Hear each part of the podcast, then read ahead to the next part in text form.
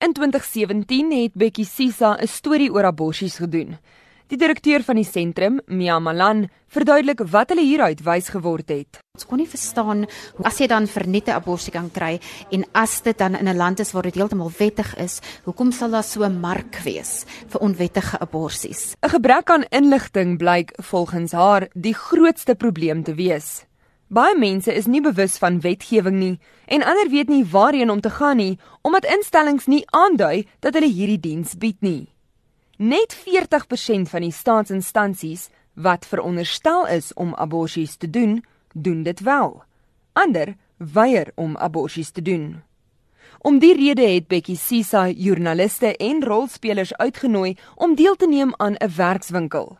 Malan sê gewetensbesware van dokters, verpleegsters of vroedvroue is een van vele uitdagings wat verhoed dat vroue hulle reg om 'n swangerskap te beëindig op 'n wettige en veilige manier kan uitoefen. Wat baie dikwels gebeur is dat die verpleegster net sal weier of die dokter om dit te doen terwyl daar sekere regulasies is wat gevolg moet word. Jy moet byvoorbeeld die persoon kan verwys na 'n uh, ander diens wat bereikbaar is en om seker te maak dat sulke reëls dan gevolg word. Want onveilige abortus se gevolg is regtig drasties. Mense gaan dood.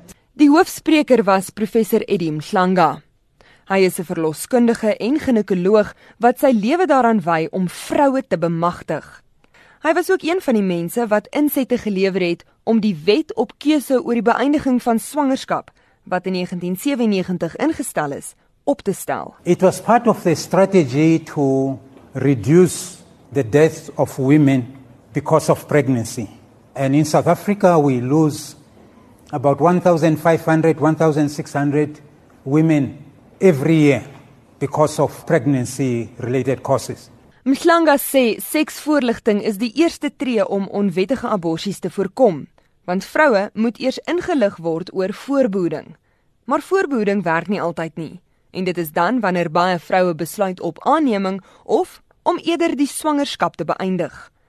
Baie is steeds oningelig oor waarheen om te draai vir aborsies en dan beland hulle in onwettige agterstraat aborsieklinieke.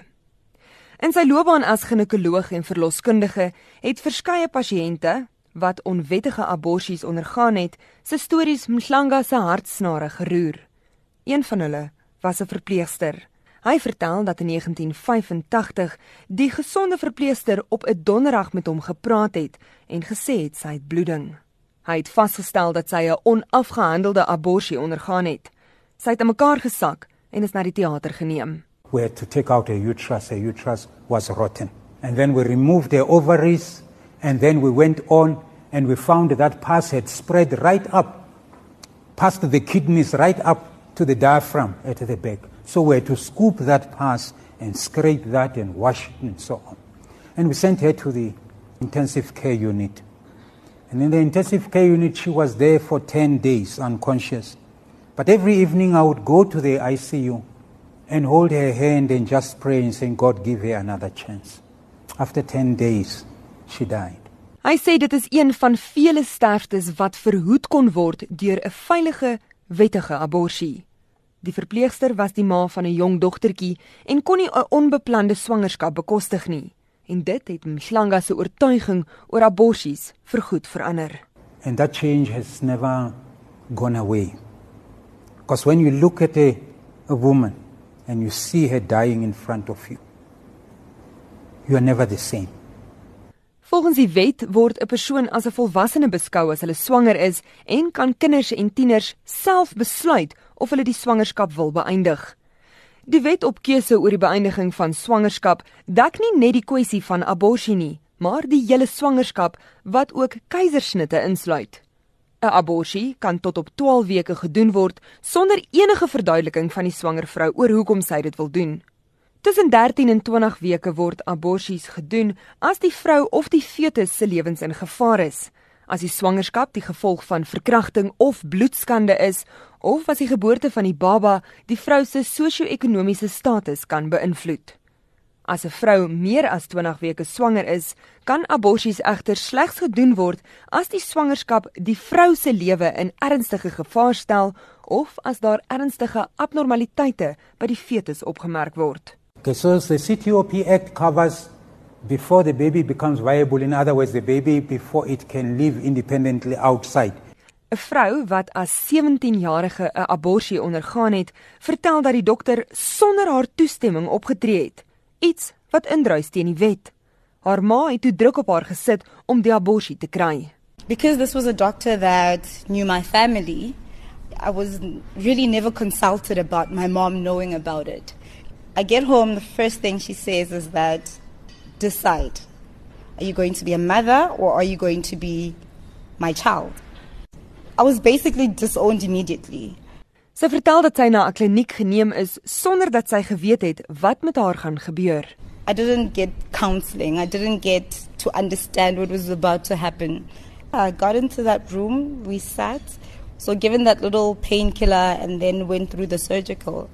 'n Ander vrou het swanger geraak na 'n verkrachting en in 'n onwettige abortuskliniek opgeëindig. It was very very shady. I mean, it was a little flat hidden in a little flat and we went there and the lady was like, "Okay, come in."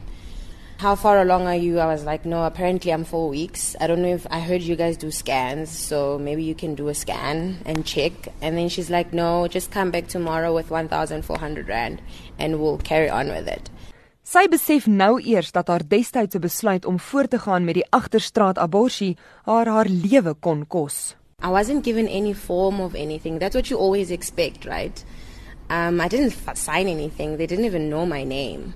Um, they just gave me a pill, took the money from my cousin, to, told me to put on a pad. I didn't even know I had to bring a pad, and we didn't have one. So we just rolled up some tissue. Al die betrokkenes het gevra dat fasiliteite wat aborsies doen, dit duidelik aandui sodat dit nie as 'n taboe geag word nie.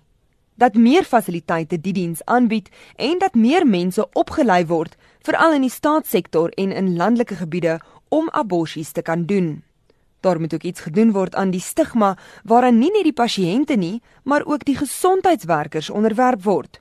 En daar word gevra dat gesondheidswerkers wat in die pad van wettige abortus staan, verstok gekry word. When I said, "Oh, hello, hello Dr. Sorenso." He says, "Ah, good morning. Now I'm shaking the hand that is dripping of the blood of innocent babies, you know."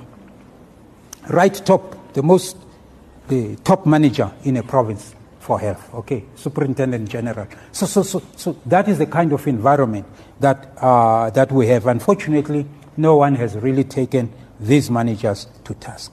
Die media is ook by die werkswinkel gevra om op te let wanneer daar verslag gelewer word oor aborsies. Daar moet byvoorbeeld na 'n fetus eerder as 'n baba verwys word. Daar moenie na die pasiënt verwys word as 'n ma nie, maar eerder 'n vrou met 'n ongewenste swangerskap. Becky Sisa het benadruk dat die kwessie nie is of abortus reg of verkeerd is nie, maar dat dit wettig is en daarom veilig en toeganklik moet wees. Ek is Henry Wondergem vir SAK nuus.